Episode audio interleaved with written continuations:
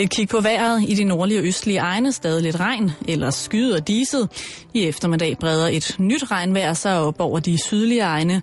Temperaturerne ligger mellem 4 og 8 grader, nogle steder helt op til 10 grader. Vinden den er svag til frisk fra øst og sydøst i Nordjylland op til hård vind. Således nyhederne for nu. Min kollega Christoffer Meinert tager over om en lille time. 24 Danmarks nyheds- og debatradio. Du har fundet os. Velkommen til Halløj i betalingsringen med Simon Jul og Karen Strohrup.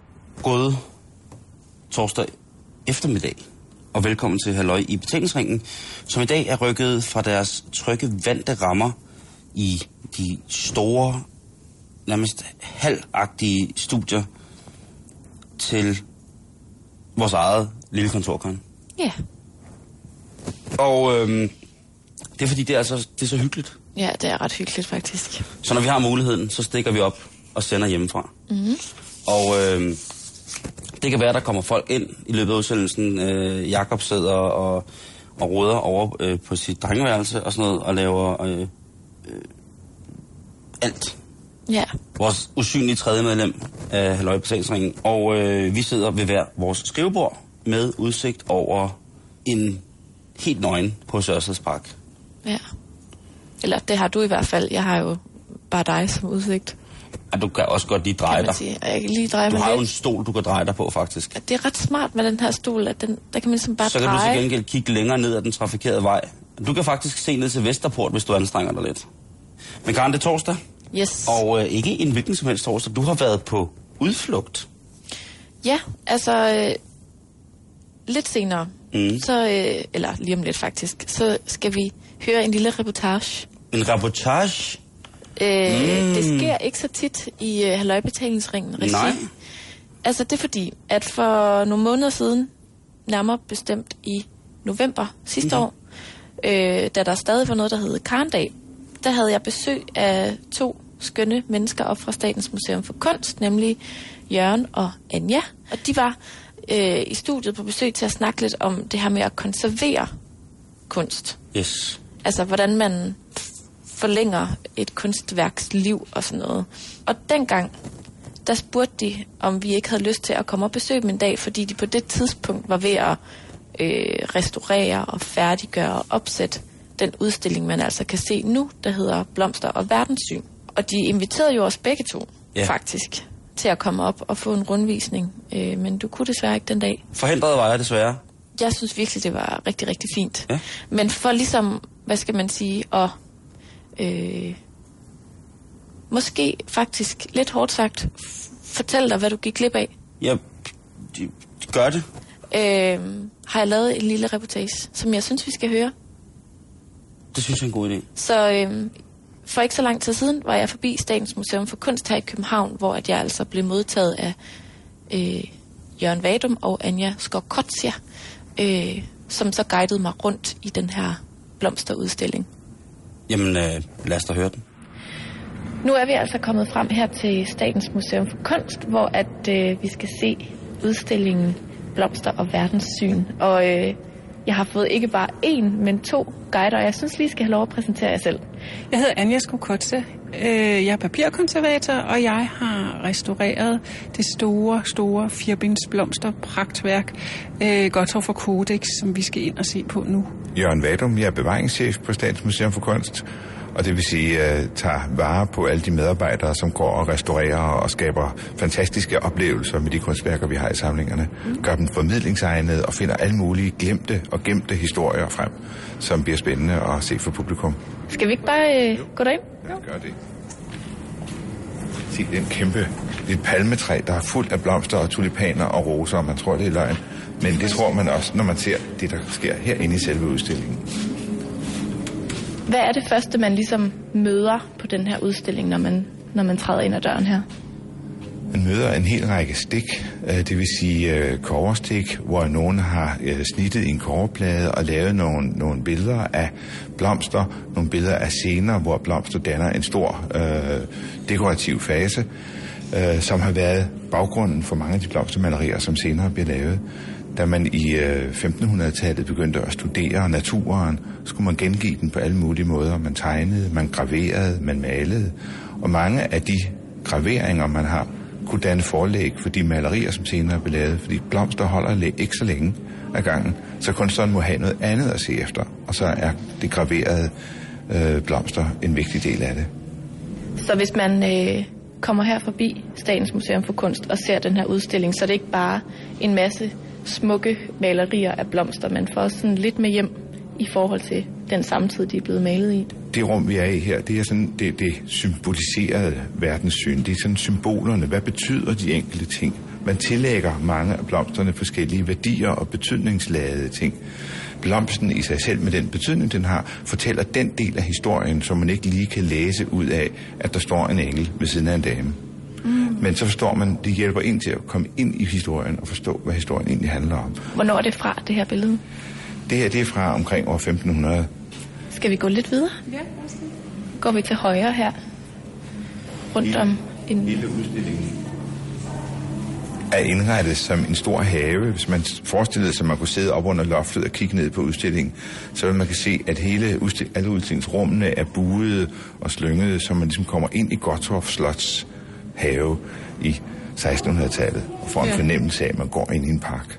Hvordan er det nu, det er med den her udstilling? Altså, den bunder ligesom i en bog, en slags flora i farver, der er meget, meget gammel. Cirka godt og vel halvdelen af udstillingen øh, består af værker fra det øh, store blomsterbogværk, der hedder Gottorp og Codex. Øh, Gottorp Slot, øh, hvor hertugen af Gottorp på det tidspunkt bestilte øh, et, en, en blomstermaler til at male sine blomsterne i sin have. Øh, og han hedder så him, Hans Simon Holsbækker. Øh, og hvis vi går lidt videre, så kan vi se, at han simpelthen fik den bestilling fra mellem 1649 og 1659 at øh, gå i gang med at øh, male med gouache på pergament, som er en særlig ting. Og hvis vi kigger på væggen, så er det forårsblomsterne, han har, har gang i her. Det sjove ved det er jo, at, at man tænker på en blomsterudstilling, så tænker man enten på rigtige blomster, der står i vand, eller man tænker på smukke buketter, som er malet som en buket, der står sådan der og slynger ud til højre og venstre i en vase. Og det er det her slet ikke. Det er portrætter, som, som Anja sagde. Tænk, at man laver et portræt af en blomst, beder den om at dreje hovedet lidt til den ene side, lidt i trekvart profil, som man vil gøre, med, når man rigtig portrætterer. Ja, man kan artsbestemme faktisk på grund af det her, fordi de er så præcise, de portrætter. Man har ikke forskønnet noget, man har virkelig malet den blomst, som den nu ser ud, og men drejet og vinklet lidt. De er meget, meget smukke billederne, faktisk. Sådan meget stemningsfulde, men det kommer jo nok også af, at det netop er, hvad skal man sige, instruerede billeder. Jeg ved ikke, om I kan huske, hvordan bladene er blevet til. Det er jo ikke papir, de er malet på, de her. Anja ved, at det er malet på kalveskin. Men hvorfor er det, at man hellere vil male på kalveskin end på papir? Altså, hertugen af Gottorp var en mand, der øh, øh, var meget, dels meget videnskabelig, men også meget kulturelt interesseret. Og det vil sige, at han øh, var også interesseret i, at han, han samlede dels på, altså for eksempel var han en masse lærte ansat på en slot, og han samlede på kunst, han samlede på videnskab, øh, og ville egentlig vist nok gerne have haft, at Gottorp Slot var øh, Nordeuropas kulturelle centrum. Og i og med, at han havde penge til det, så havde han så også penge til at få malet det her på pergament. Og pergament er en mere bestandig øh, og, og en, en, en, en, en, hvad skal man sige, base at male på frem for papir. For hvis man forestiller sig, at papir bliver en lille smule vådt, og man tænker på, hvilke forhold, der har været på de gamle slotte dengang, så, øh, så har, har, øh, er pergament, øh, hvad hedder det, det har en bedre mulighed for at overleve. Det er det ene. Det andet er altså også, at hvis man går tæt på en pergamentoverflade, og jeg har prøvet for eksempel at male og tegne på sådan en, så lægger malingen sig simpelthen så fantastisk øh, stofligt oven på overfladen, og det giver en, en, meget, det giver en meget smuk gengivelse. Mm. Øh, og, og, øh, og et meget fladt, nu står de og buler lidt her, men, men, øh, men ellers sådan meget fladt og sådan taktil, meget lækker, hvis man kan sige det sådan, øh, overflade og en god baggrund for, for at male. Mm. Så motiverne står, og farven står virkelig smukt oven på pergament. Jan, jeg tænkte på, Nu øh, går vi jo her og kigger på alle de her blomster. Kan du huske, hvordan du havde det, da du gik tur i den her blomsterhave første gang, da udstillingen den åbnede? Jamen, overvældet øh, over, at der er så mange forskellige blomster, som er så forskellige, så, så forskellige, ja, men også den farvepragt, de udstråler. Og det, at de øh, ja, mere end 300 år efter de er lavet, stadigvæk virker så utrolig friske. Altså blomster skal jo være friske, når man ser på dem. Og det er de her faktisk stadigvæk. Og det er ikke kun fordi konservatorerne har siddet og arbejdet på dem. De er simpelthen bevaret ufatteligt godt. Selvfølgelig er der sket skader undervejs. Selvfølgelig er der farve, der er faldet af her og der. Men øh, det er så lidt, at du ikke som besøgende vil, vil rigtig se det på de her. De, de står simpelthen bare så knaldskarpt i farven. Blandt andet fordi de jo har været bundet ind. I de mange, i de fleste af årene har de ligget på magasin, og det er først nu, vi får alvor for dem frem. For første gang, om jeg så må sige, siden hertugen måske lagde den ud på sit store spisebord, hvor han havde siddet og spist kalve aftenen forinden, har vi nu bredt dem alle sammen ud for publikum og kan se den her overvældende pragt, øh, som jo har været også i samtiden overvældende at have en barokhave, have en have uden for slottet, som hele året igennem sprang op med nye og fantastiske blomster, som hertugen kunne vise de forskellige besøgende, der kom på besøg øh, og gjorde deres øh, entré ved hoffet. Se, nu har jeg nogle nye blomster hernede. Blomster, som ingen af dem havde set før. Man går ud fra, at det, det er jo overraskelser hele vejen igennem. Tulipanerne er en fremmed plante i øh, Europa. Den kommer fra Tyrkiet og bliver indført i øh, Europa i løbet af begyndelsen af 1600-tallet, og er en helt ny og eksotisk blomst, som jo har overtaget Europa fuldstændig. Vi kan ikke komme forbi en blomsterhandler i dag, uden at man kan købe tulipaner der. Øh, men det, det var en ny og eksotisk ting. Og sådan en have, den blomster jo ikke hele tiden. Så ja, hertugen har jo pludselig haft sin have i flor året rundt ved at have lavet alle de her blomsterblade, som, som Anja har siddet med sammen med kollegerne. Mm. Er det her en udstilling, der sådan, måske er sådan mere til det kvindelige publikum, eller, eller er det også øh, for, for mænd? Nu var det jo koldt i påsken, og man kunne ikke rigtig komme i jorden. Så der var rigtig mange mænd herinde i påsken. Alle dem, der ikke kunne komme i jorden, var faktisk med deres koner herinde altså og se blomsterudstilling. Og jeg tror, det er mere end det, fordi der er jo mange, der synes, at fascinationen ved detaljeringen er rigtig spændende. Og de mænd, der måske er med herinde, og som kommer til at kede sig, de kan jo sætte sig herover i hjørnet og tegne nogle blomster selv, ligesom mange af vores børn og unge besøgende gør, har simpelthen tegneundervisning ind midt i blomsterudstillingen. Så der kan vi komme ind og være med og se, der står en helt skoleklasse herinde. Det er jeg glad for at høre, så hvis øh, jeg slipper Simon med herind en dag, så, Jamen, så er der et, et værksted, hvor han kan sidde og tegne blomster. Du kan tro, han kan sidde og male blomster herinde. Det, det vil være lige noget for Simon, det er jeg sikker på. Nu kan jeg se, at vi er nået hen til tulipanerne. Herovre i hjørnet. Simon ikke også elske ideen om, at der var en tulipanboble, ligesom der var en IT-boble og en mm. boligboble for nogle år siden. Så var det simpelthen en tulipanboble, der pludselig bræst, som gjorde, at en hav af mennesker simpelthen gik øh, økonomisk fuldstændig rabundus. Uh, øh, en nederlandsk maler, som hedder Jan van Gøyen, som maler sådan små, uh, små landskabsstudier og lignende, han investerede vildt i tulipaner på et tidspunkt, og det det præst, så gik han totalt på røven økonomisk, og ernærer altså stadigvæk ved at male, men blev også værtshusholder for overhovedet at få det til at hænge sammen. Når man kigger på sådan et motiv, hvor at han har malet noget meget konkret, må man sige, ikke? Et lille, en lille mand. Ja.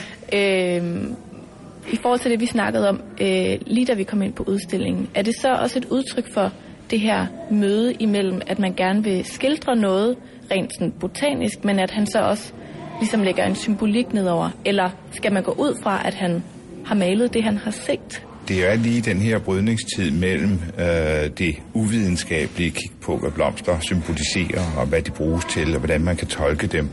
Øh, nogle planter øh, er kendte for at vække øh, seksuel stimuli i folk, og der er også dyr, man bruger til det næsehorn, øh, er vældig populært visse steder for at være potensgivende.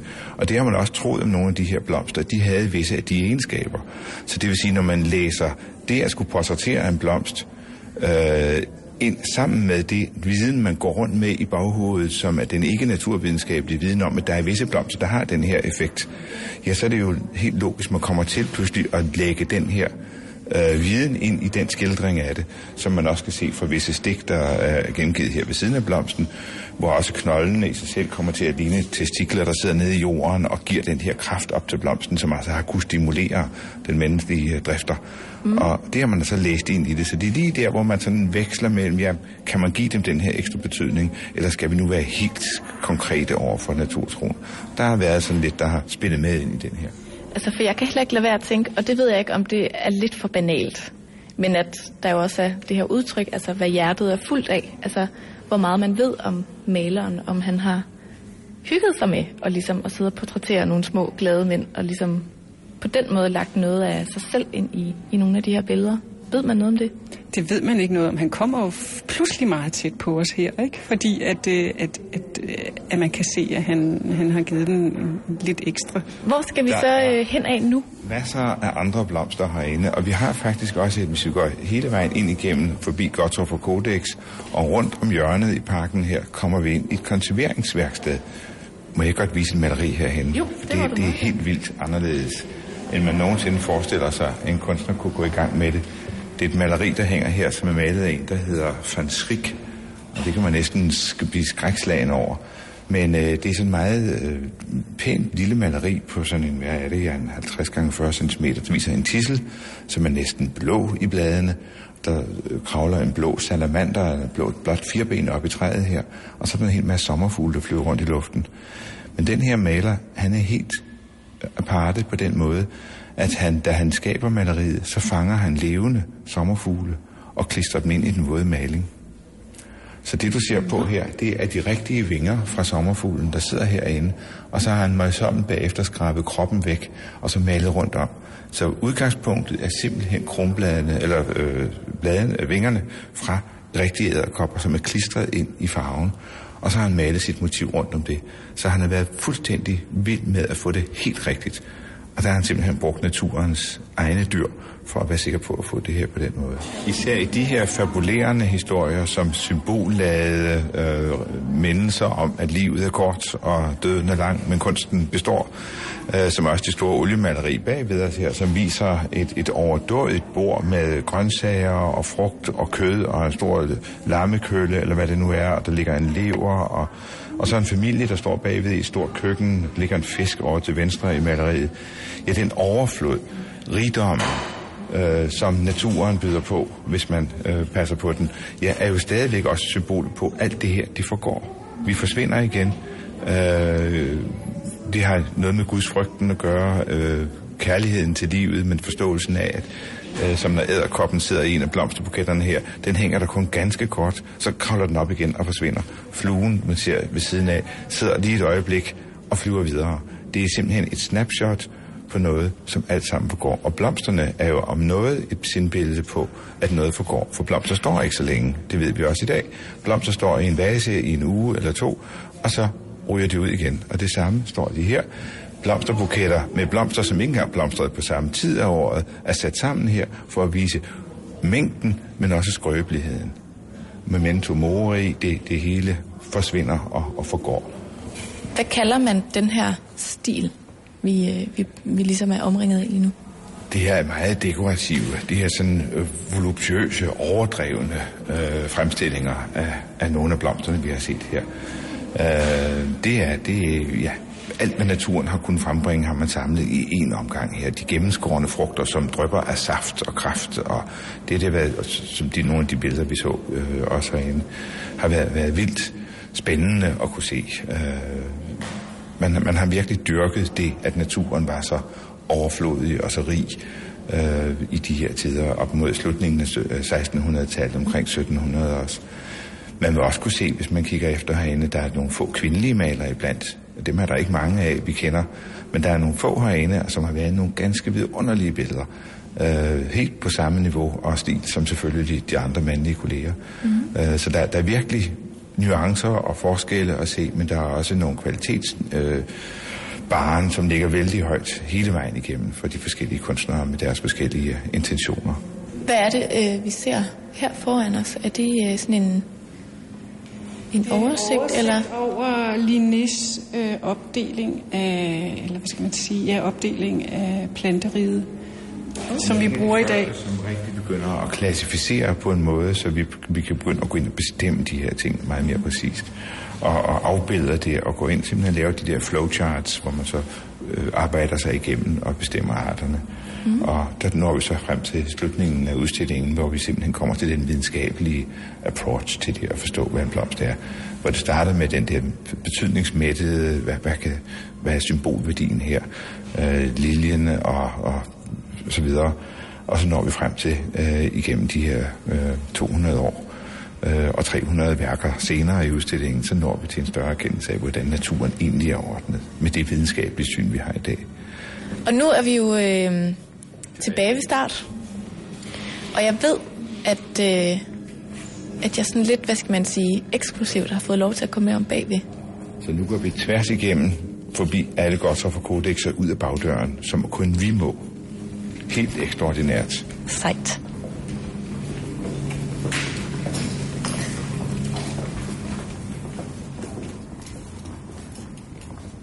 Ja, Simon, det var altså mig, der havde fået fornøjelsen af at blive vist rundt op på Statens Museum for Kunst af De er jo så seje, Jørgen og Anja. ja, Jørgen Vadum og Anja Skopgotsia. Jamen altså, tusind, tusind, tusind tak. Det lyder jo, når, når Jørgen og Anja fortæller om det. Mm. Jeg tror, de kunne fortælle mig om, om hvad som helst. Men når Jørgen fortæller, så bliver jeg altså Ja, en lille meget- smule...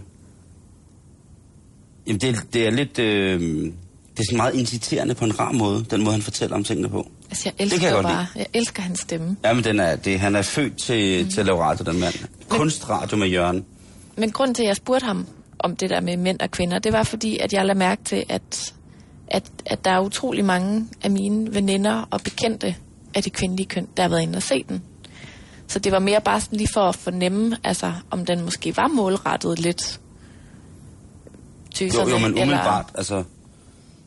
Umiddelbart, så tror jeg, at man skal være... øh, Altså, det, det lyder jo som om, at man skal... Altså, der er så meget... Ja, nu skal jeg lige finde ud af, hvad jeg skal sige. Men der, der er mange sådan ting i det, ikke? Der er den, der, den kunsthistoriske del af det, som Mhm. jo måske vil tiltrække nogen. Så er der det blotte motiv, er det smukt at se på. Ja.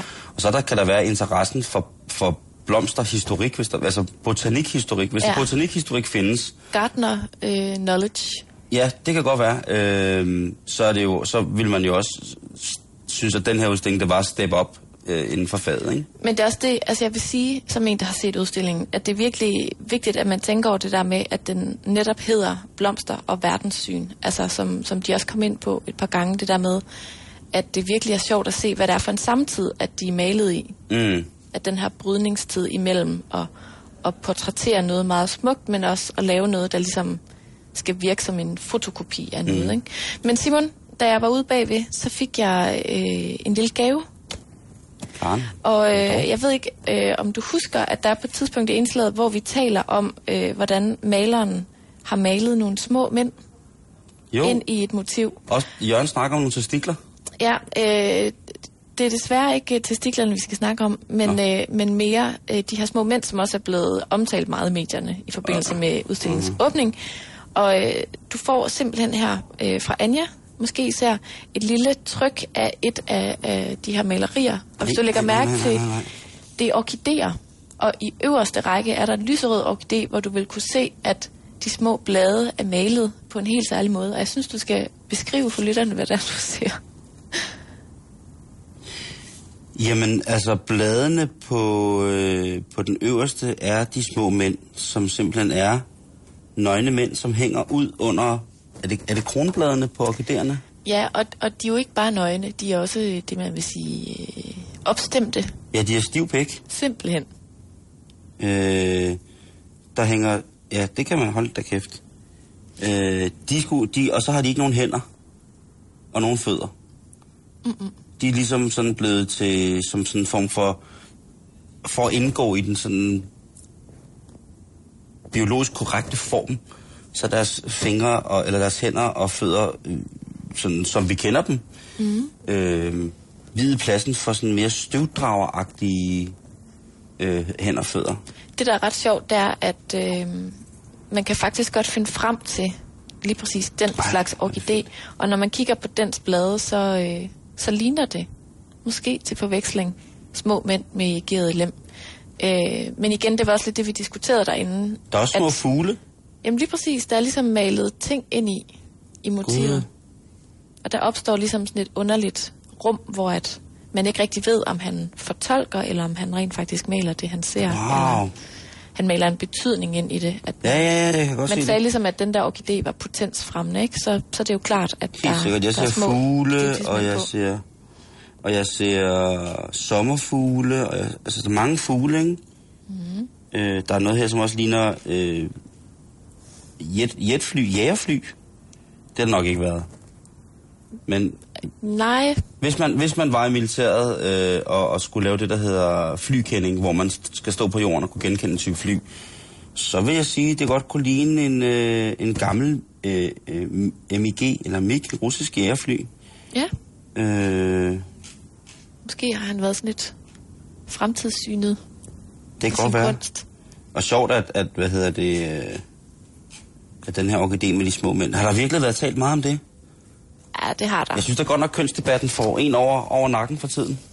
Ja, men du ved, sex sælger jo altid. Men det er så, rigtigt, øh, det er rigtigt. Det er rigtigt. Men de, de opdagede dem først, da de begyndte at restaurere de der billeder. De vidste ikke, at de var der i forvejen. Så det var Så, så der er opdagelse. aldrig nogen, altså man kan jo ikke undgå at se dem. Så de har ikke rigtig kigget på det i virkeligheden. De har bare haft et eller andet helt vildt dyrt maleri stående. Og så tænkt, gud, er det... Ej, ja, det kan da... Det kan også være, at det er nogle kan, meget, øh- Det kan da... Nej, jamen... Jørgen, kom lige. Det er pikke. Det kan være, at det var nogle meget fromme mennesker, der ligesom har, har haft med dette værk at gøre. Det skulle man tro. Men øh, jeg er ret overbevist om, at øh, jeg, kan, jeg kan jo mærke en ild, der kommer ud af Jørgens stemme, ud i radioen, ud til lytterne. Der er, der er en ild af passion, og jeg tror, øh, jeg tror ikke, eller jeg tror godt, at man vil ønske sig at være en flue på væggen til konservatornes årlige, jeg ved ikke, hvad de holder, sommerfest, eller... Jeg er helt overbevist om, at der er sgu godt gang i den. Tusind Så, tak, Karen. hvis og man har tak lyst til, til- til Jørgen og Anja. Hvis man har lyst til at se den her udstilling, så går den altså helt frem til oktober. Jamen, Så der kan man lige svinge forbi.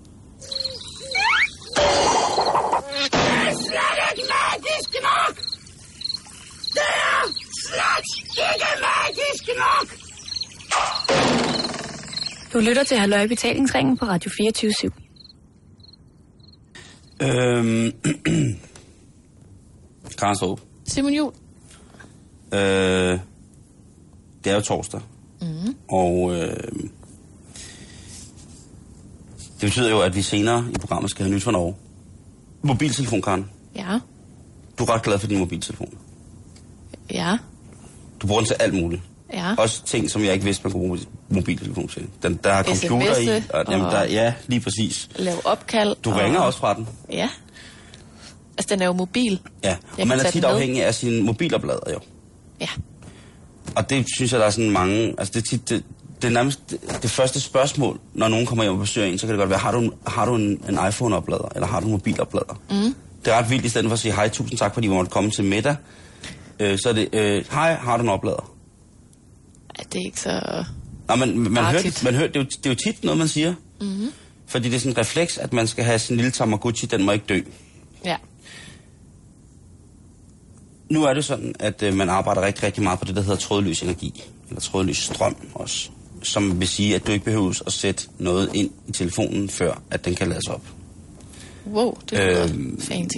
Ja, og man, man, i alle mulige sammenhænge vil det jo være rigtig, rigtig smart, men fordi at lige nu der baserer vi måden at overføre energi fra selve energikilden til batteriet, som skal oplades, det baserer vi på, i de fleste tilfælde, på det, der hedder induktion, altså elektromagnetisme. Det, som vi kender fra kogeplader, induktionskogeplader, hvor man skal have en magnetisk bund på gryden eller panden, eller så tøsten, eller hvad det nu være sig for en stykke køkkenudstyr, man skal bruge, før at induktionen kan virke. Fordi det er jo magnetisme, der gør, der skaber den energi, der kan varme tingene op. Mm.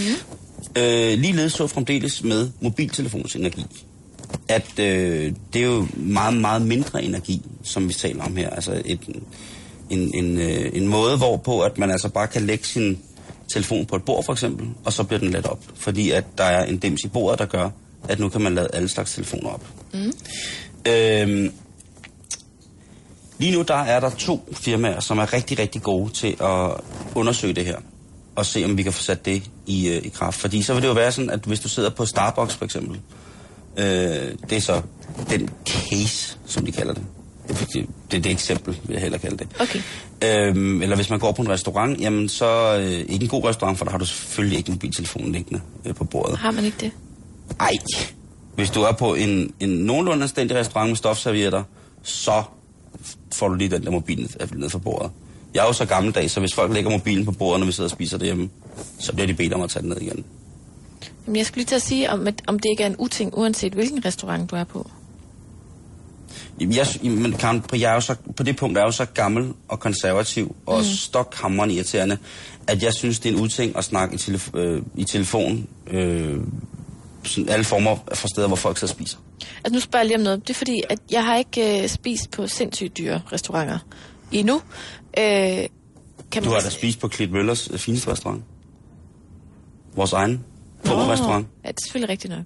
Men jeg tænker bare, kan man risikere at få at vide, at de sød lige at fjerne deres telefon? Ja, ja, sagtens. Altså, der er der, står, der, der står jo, altså, øh, meget, meget diskret, men også ligesom, hvis man har en, en sans for, for god pli, og om hvordan man gebærder sig som værende besøgende på mm. en, et etablissement, som har en vis standard, så tager du ikke din mobiltelefon frem, når du sidder og spiser. Nej. Du tager ikke din, øh, du har den ikke din Blackberry eller iPad liggende. Du, altså, du tager ikke engang børn med ind, som skal underholdes, mens du spiser. Nej, okay. Øh, hvad hedder det? Og det er, øh, det er den standard, der ligger på nogle restauranter. Ikke at man ikke kan gå ud og spise på restauranter, hvor det er fint at have sin mobiltelefon liggende, når man får god mad. Det er ikke det, jeg siger. Jeg siger bare, ja, der er et, øh, et, et fascistotur, som, øh, som er overliggende på sådan de mere, det som de selv ynder at kalde fine restauranter. Ja, Så de, er en, de er en restauration af en vis standard, derfor gør vi ikke sådan og sådan. Men det er også meget op til, hvem der er kok og, og sådan nogle ting, at sige med, at, Mm. at du skal ikke stå og, og du skal ikke sidde og spise, mens du snakker telefon. Nej, men det er også noget bøvl. Ja, ja, men altså alle mulige andre steder på Motorvejscaféen og på McDonald's og på, hvor man ellers... Monark? Altså, ja, alle andre restauranter, Lortas, jamen, der hiver man den jo bare frem. Også Mhm. telefonen og snakker i den. Øhm, så, sådan må det være. Men Ja.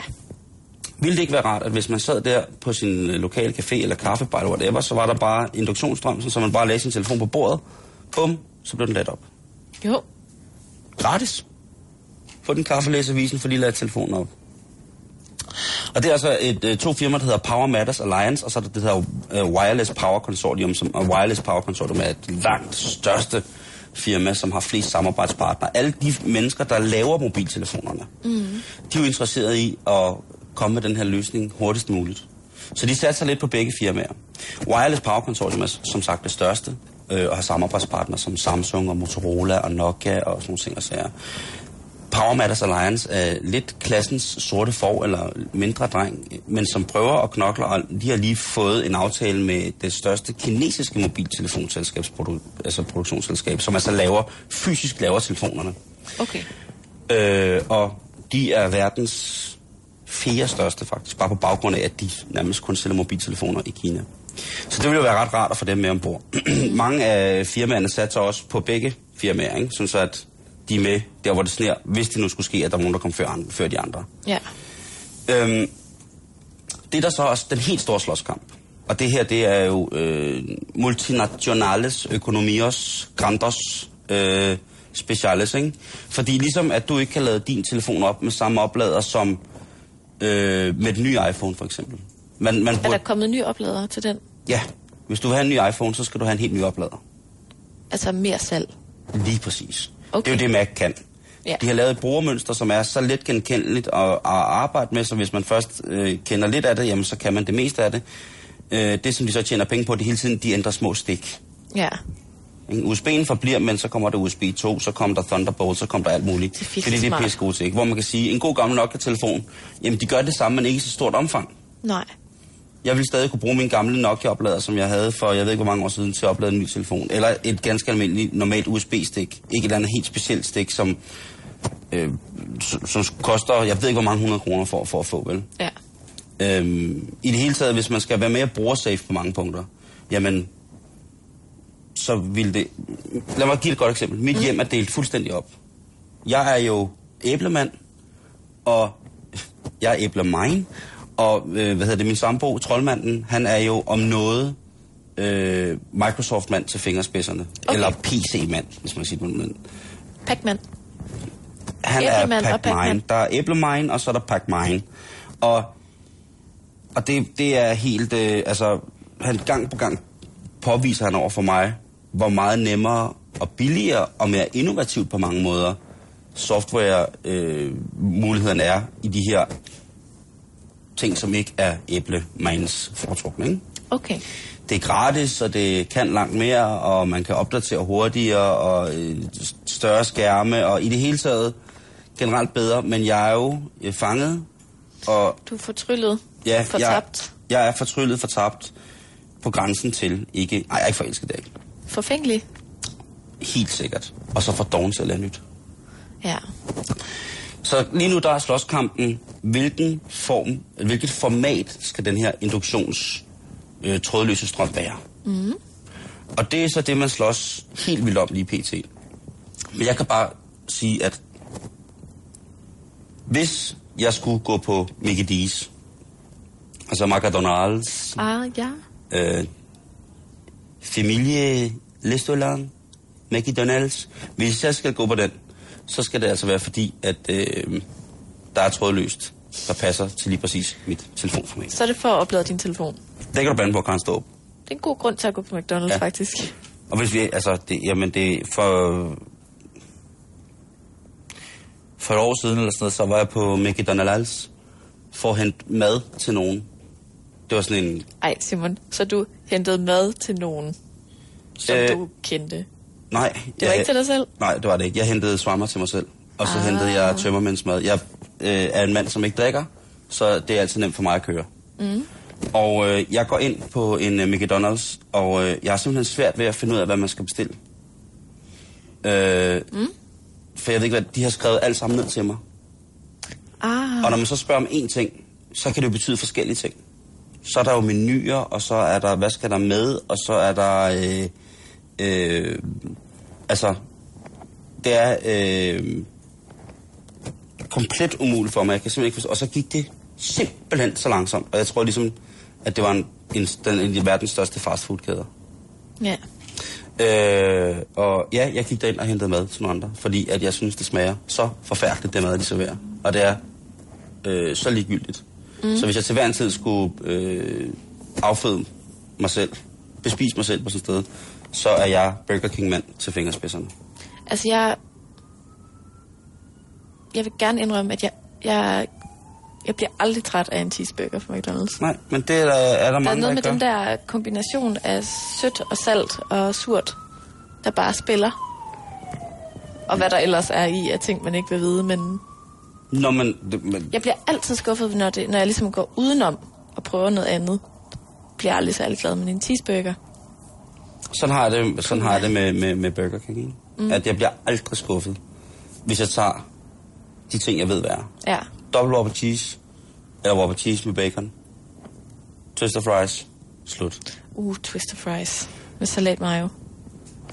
Det bliver ikke bedre for mig, men hvis jeg får en, øh, men hvis jeg så begynder at få en forleden aften, så blev der hentet øh, et øh, større sydamerikansk, øh, hvad hedder det, øh, tabernakel.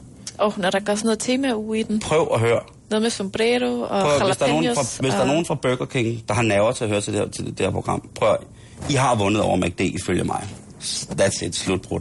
Men drop nu de der temauger. Hold nu op, altså. Det, jamen, det, er ikke, det gør ikke andet end at få jer, til, der arbejder der til at se fucking dumme ud. Altså, I kunne lige så godt have sådan en stor meksikansk kat på et lille skævt overskæg, der hang i den ene side. Mm. Lad nu være med at komme chips i maden, og jamen, det, det, det, det, øh, det, det smagte helt forfærdeligt. Ja. Og hvis man synes, at man spiser så meget på Burger King, at det er en rar variation, så har du nogle dårlige spisevaner, og så bliver du nødt til at finde på noget andet. Ja. Så kan man måske gå på meksikansk restaurant. I stedet.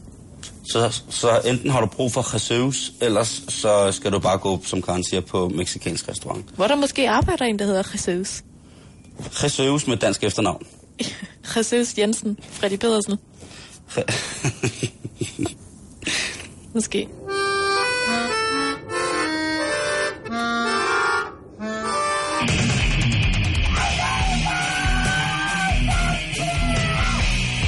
Du lytter til Halløj Betalingsringen på Radio 24 Simon, Ja. jeg er faldet over noget, som jeg gerne vil diskutere med dig. Ja. Øhm, og det er, at lige for tiden, der er der jo rigtig mange arbejdsløse, der søger job. Ja, det er der. Øh, og der er ikke så mange jobs at få. Og derfor så er der rigtig mange arbejdsgivere, der altså får sådan sindssygt mange ansøgninger Mm. per job. Mm-hmm. Sådan uoverskueligt mange ansøgninger. Mm-hmm. Og der viser det sig, at der simpelthen både i Danmark og internationalt er sådan en voksende trend, som går ud på, at man, øh, man har en sorteringsrobot til at grovsortere blandt de kandidater, der ligesom er derude.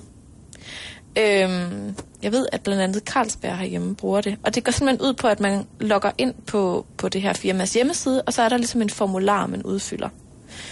Og så kan den her robot ligesom på forhånd sortere i for eksempel alder og køn og øh, måske også bopæl. Så er det et stykke software i virkeligheden? Ja, Okay. det er et stykke software. Det er ikke en Nå. robot, der sidder sådan helt manuelt og åbner brevene og læser dem. Jamen, og lægger dem i det, jeg forskellige troede. bunker. Altså, fordi det er jo, altså, øh, robotter er jo også betegnelsen for, for software, som for eksempel sådan noget, som afvikler spillemaskiner på Ja. nettet og alt muligt. Nå, Ved du hvad, hvis det havde været en rigtig robot, så havde jeg synes det havde været mega sejt. ja. Det kan jeg godt forstå. Sådan vil jeg gerne have. Nej, men det, det der så ligesom er med den her robot, det er, eller det der stykke software, det er, at det selvfølgelig møder lidt kritik, øh, fordi at man er bange for, at det vil ligesom være med til at dis- diskriminere. Fordi Ja, at det jo er altså, man kan sige, det gør det i hvert fald noget nemmere at diskriminere, når du bare med sådan et klik kan sige, alle under 60, dem vil vi simpelthen ikke engang se på. Mm. Ja, ja. Eller alle kvinder, eller alle mænd. Men Kan eller... det, det der er så godt ved robotter, de ejer jo ikke empati. De gør kun det lige præcis, at de er blevet programmeret til at gøre. Ja, men, men der er det jo så, at man kan diskutere, om dem, der så ejer robotterne, Nej, nej, Karen. Nej, sætter nej. dem til at gøre noget uempatisk, ikke? Altså, jeg tænker bare, hvad, altså, der er sådan lidt for og imod. Hvad, hvad tænker du om sådan noget her? At man ligesom har noget, til, der, øhm. der, hvor, hvor det øjensynligt er meget nemt at komme til at diskriminere. Jeg tror, at med lige præcis det eksempel, du hiver frem, med at det er ansøgninger, vi snakker om, mm. øh, der, der er jeg øh, af den overbevisning om, at hvis man vil have et firma, selvom det er et kæmpestort firma, så er en af de ting, der er rigtig, rigtig sørgeligt at spare på, det er, øh, at man får de mest kvalificerede mennesker. Mm. Og det tror jeg ikke, øh, øh, det tror jeg er svært med en robot, øh, fordi at det kan jo godt være, at man har nogle mennesker, som måske ikke rammer alderen, kønnet, eller har forudsætningerne øh, sådan helt på plads, men tæt, tæt deroppe af, men som ved nærmere eftersyn ville være fantastiske til at, at komme ind og arbejde i netop den position, som stillingen øh, angiver skal være. Ikke? Ja.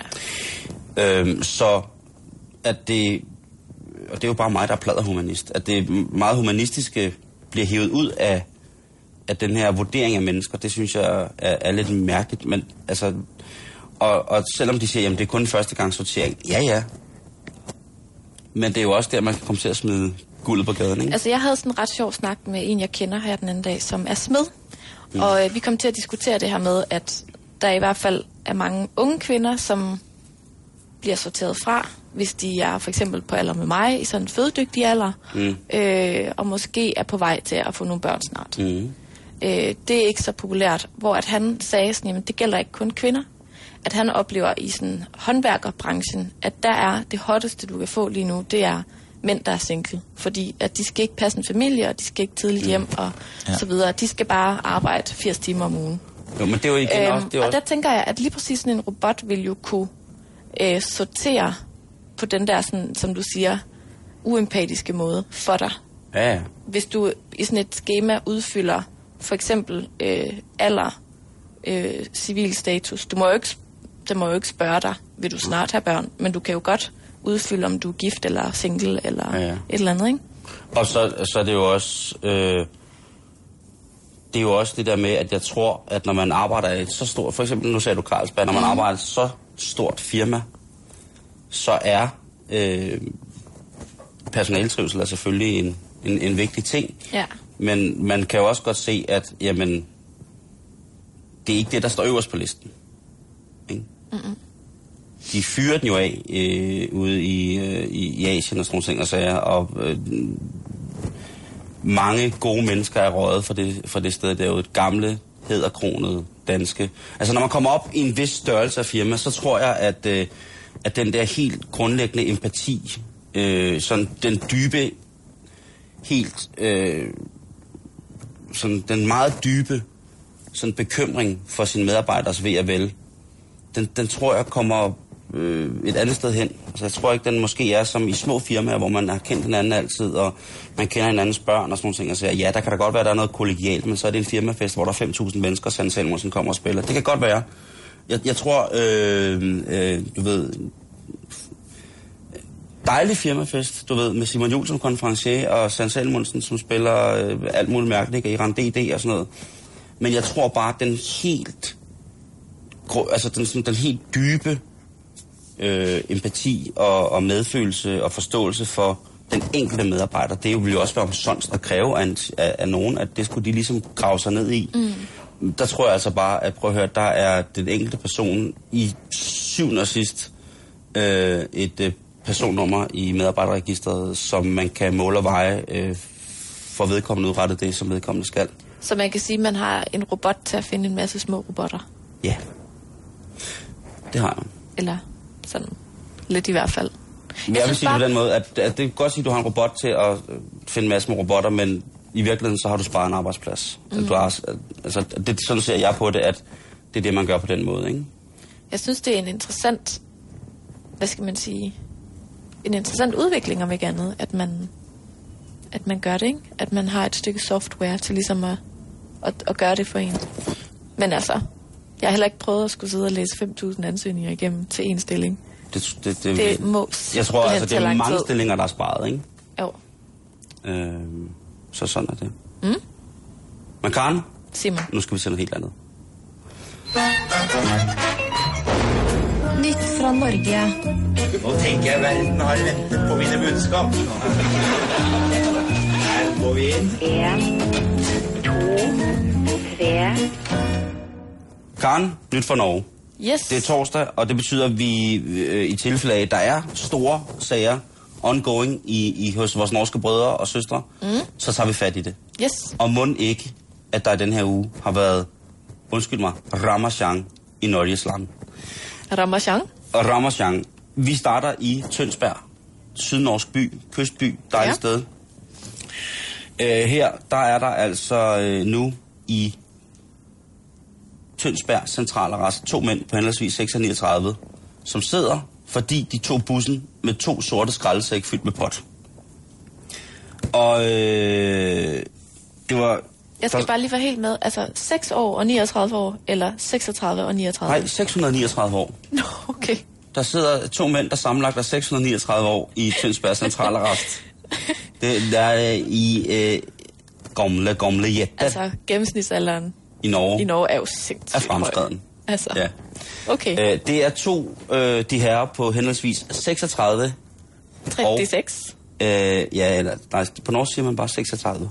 Gør man det? Ja. Nå, okay. Man kan også sige det andet. Og øh, 39. Øh, mm. Det ved jeg ikke, hvordan man siger neiner på norsk. 39. Jeg ved det ikke.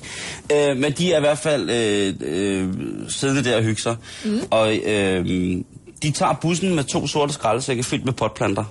Ja. Og øh, på den bus, der stiger der så også en politimand ombord, som er på vej. Øh, han er faktisk narkobetjent, og han er på vej på aftenvagt, og han sidder så i bussen der, og han har udtalt, at når man så først har lugtet til det den gang, så kan man altså godt.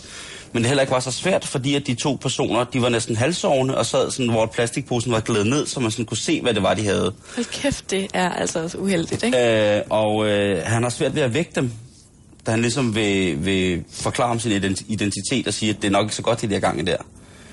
Øh, de følger sådan lidt trætte med og er nu varetægtsfængslet.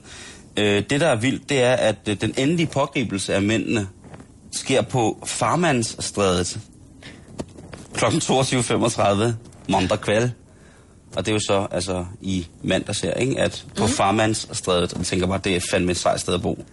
Farmands Men hvis man bliver taget, fordi man har siddet og sovet med sine potplanter frit frem af en narkobetjent i en offentlig bus, jamen så er man selv om det. Ja, lidt. Man skulle måske ikke have smagt så meget på varen. Øhm, og så er der endnu en, øh, en nyhed, som jeg nok vil anslå være en af dem, der kommer til at kunne ændre verdens gang, også forplejningsmæssigt. Mm. Det er i Bergens Tidene, som er Bergen. Øh, altså, Byen, hvor det regner utrolig meget. ja, men ikke mindst det er byen, hvor de har en af de fineste reggae-festivaler i Skandina- Skandinavia. Også det. Jeg har. Men uh, der er også en uh, kulturel by, som har meget, som er kommet frem for, uh, for dem, som sagde, uh, du bliver skålsk. Ja. Men de, der snak, de, de snakker meget, øh, folk fra Bergen vil sige, øh, Bergen, eller Ber- Bergen. Øh, vores øh, alt overskyggende norske connection her i programmet, øh, Stian fra øh, Glitmøller, han er jo fra Bergen. Og han kan snakke, som man næsten ikke kan helt fast. Nå, men de bringer nyheden, hold nu fast, at øh, det 24 år gamle øh, black metal band Enslaved nu er i dialog med et amerikansk bryggeri om at få lavet deres egen Indian Pale Ale, så man vil kunne få original black metal pale ale, Indian Pale Ale, brandet med norske Enslaved. Heavy øl. Det er ikke heavy, Karen. Metal øl. Nej, det er ikke metal. Øh, Black metal. Sorry. Eller Viking metal. Vikingeøl. Mjød. Øh, ja. Det er jo grundlæggerne, en under grundlæggerne af Viking metal og black metal. Jeg vidste ikke, der var noget, der hed Viking metal, men det lyder Øh. virkelig, virkelig sejt. Your loss, baby, your loss. Mike Gain. Øh, hvad hedder det? det. øh, Hvad hedder det? øh, Der sidste plade udkom i 2012. Altså, det er band, som jo altså er fire, har 80 år på banen efterhånden, ikke? Så mm. det er øh, godt deroppe, ikke? Men der sidste plade hed Ritter. Og øh, udkom i 2012 i november, og der er øh, kæmpe store hits, som blandt andet Thoughts Like Hammers og Roots of the Mountain øh, og Material og Storm of Memories. Øh, album, som er helt sikkert ved at få fat i. Faktisk hele deres portefølje er, er rigtig godt. Det er sådan en harmonisk øh, øh, black metal, øh, viking metal, øh, som, som kun nordmænd kan lave det. De har lige afsluttet en kæmpe stor verdensturné, og på den her verdensturné, der møder de en fan, som tilfældigvis er brygmester på et lille independent bryggeri i USA, og han siger, prøv at høre, skal vi det her? Drengene får sendt en masse øl, de smager og smager og smager løs på det, og de bliver ved med at smage på det. Og nu har de sagt, hvis vi kan huske, hvordan øllen smagte, og vi får lidt flere, så vil vi godt gå i dialog med at få lavet en enslaved Indian Pale Ale. Sejt. Ja, Ja, det kunne vi da godt lige prøve at smage. Så, øh, så, så, så gør det, og det er altså, for, altså forsangeren, øh, som hedder Grudle. Mm. Grudle Kjelsson. Oh. Øh, han siger, at øh, det vil de være meget interesseret i, fordi de alle sammen elsker øl. Og han udtaler sig selvfølgelig til Bergens Tidene, Bergens Tidene, at øh, han skulle ønske, at øh, øl i Bergen fik, øh, fik smage på den øl. Og det, det, er jo, det er jo fint. Mm. Det er jo fint og dejligt. Bestemt. Så, øhm, så det var nyt fra Norge for denne torsdag. Nytt fra Norge. Nå tenker jeg verden har ventet på mine budskap. Går vi inn. En, to, tre. Tak for øh, nyt fra Norge, For Bergen. fra Bergen, og f- lidt fra Skåne også. L- lidt fra... Lidt, ja. Simon, i morgen er du her jo ikke mere. Nej, øh, jeg har valgt at, at, at, at hengå til en helt anden ny og spændende verden. Mhm. Øh, her i, senere i aften tager jeg på en astralrejse i øh, mit eget læme som øh, Sulfokatau, som er mit kaldenavn øh, i... Nej, I Swingerklubben. øh, du kommer i hvert fald ikke tilbage før på mandag. i din svingerklub. Ja. I din mors svingerklub. Også der. Øhm. Men i morgen er jeg heldigvis i radioen klokken to. Fem minutter over to. Og jeg har allieret mig med tre fine gæster. Var der 60 fine gæster? Øh, jeg har inviteret hele Swingerklubben. Nej. Så det er øh, Jeppe Hall fra Sex og Samfund Yes. og øh, Martin Høgsted, komiker. Den sjove og dejlige mand. øh, tidligere formand for Yngresagen Sofie Ryge. Og, så øh, bliver der krig på kniven. ja. Det kommer til at ryge. Og de kommer og hjælper mig med ligesom at se lidt på, hvad der er sket i løbet af ugen, og hvad der er sket i livet, og hvad der måske skal ske i weekenden, og lidt af hvert. Det bliver smadret hyggeligt. Det er jeg ikke i tvivl om. Så Karen er alene hjemme i morgen. Mm. De plejer jo at hjælpe mig på erotisk onsdag, når jeg har været alene hjemme ja. der, men øh, kommer nu på en fredag. Det glæder mig til at lytte. Du kan finde os på facebook.com, skrådstræk betalingsringen, ris, ros, ups and downs. Øh, og nu skal du blive hængende på kanalen, fordi klokken den er 15, og det betyder, at vi skal have et nyhedsoverblik fra Radio 24 nyhederne og bagefter så er der eftermiddagen. Fortsat god dag, og pas godt på din mor. Du lytter til Radio 24 /7. Om lidt er der nyheder.